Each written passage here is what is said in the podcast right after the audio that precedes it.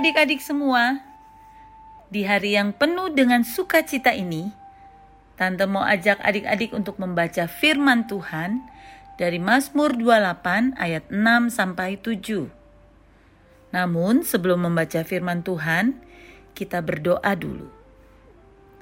Bapa di sorga, di dalam nama Tuhan Yesus, saat ini kami mau duduk diam untuk mendengar suaramu Buka hati kami agar kami mengerti dan mau melakukan dalam hidup kami setiap hari. Dalam namamu kami berdoa. Amin. Mazmur 28 ayat 6 sampai 7.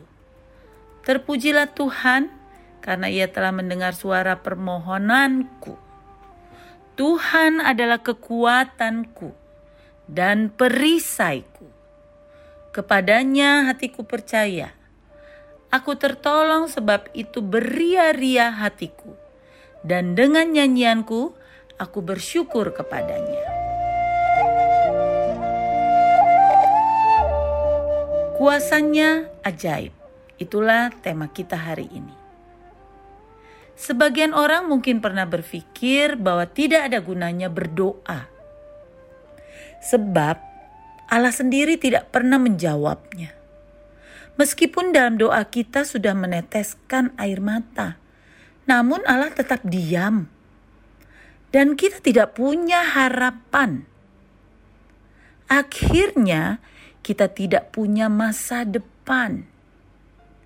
Mata kita tidak dapat lagi memandang kepada Allah.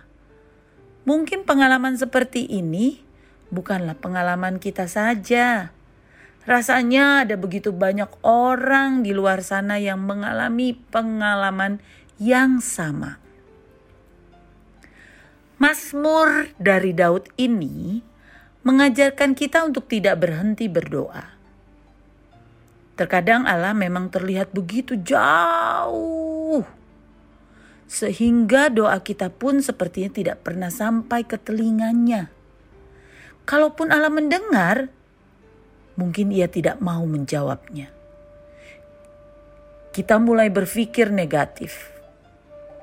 Misalnya, apakah aku dihukum oleh Tuhan? Atau Tuhan itu tidak pernah ada?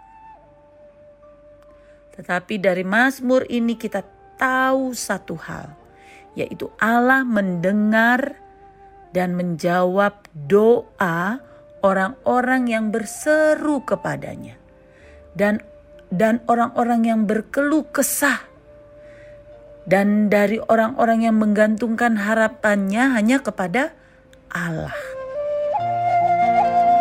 Ya adik-adik, ada kesaksian dari Bapak Andi Noya. seorang pembawa acara di Kick Andy. Siapa yang kenal Bapak Andi Noya? Ya, pasti adik-adik ada yang kenal, mungkin ada juga yang belum tahu.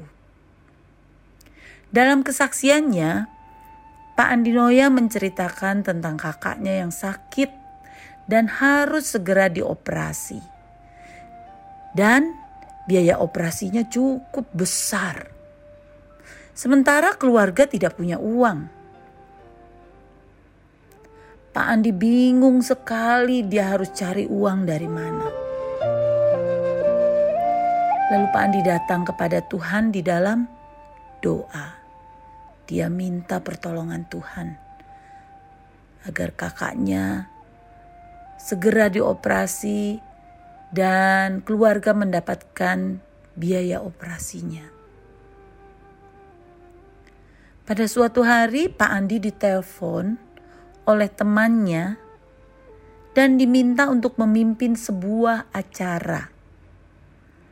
Wah, tanpa pikir panjang, Pak Andi menerima tawaran tersebut.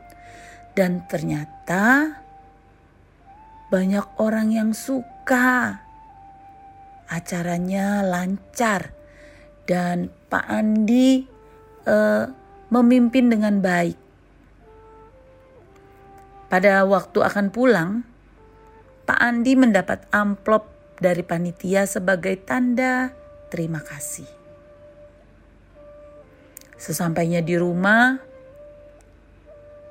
Pak Andi membuka amplopnya dan Pak Andi kaget adik-adik.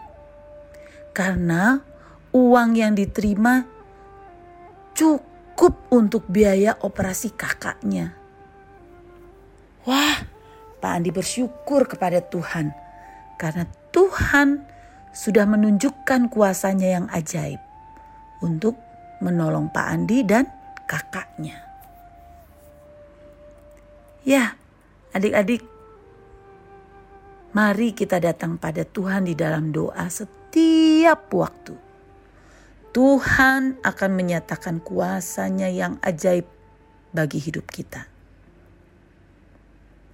Mari kita berdoa. Bapa di sorga, sungguh engkau maha kuasa dan dengan cara yang indah engkau menyatakan kuasamu Tolong kami agar kami mau menceritakan kuasamu yang ajaib itu. Dalam nama Tuhan Yesus. Amin. Ya, adik-adik, mari kita mau menceritakan tentang kuasa Tuhan yang ajaib bagi banyak orang. Tuhan memberkati.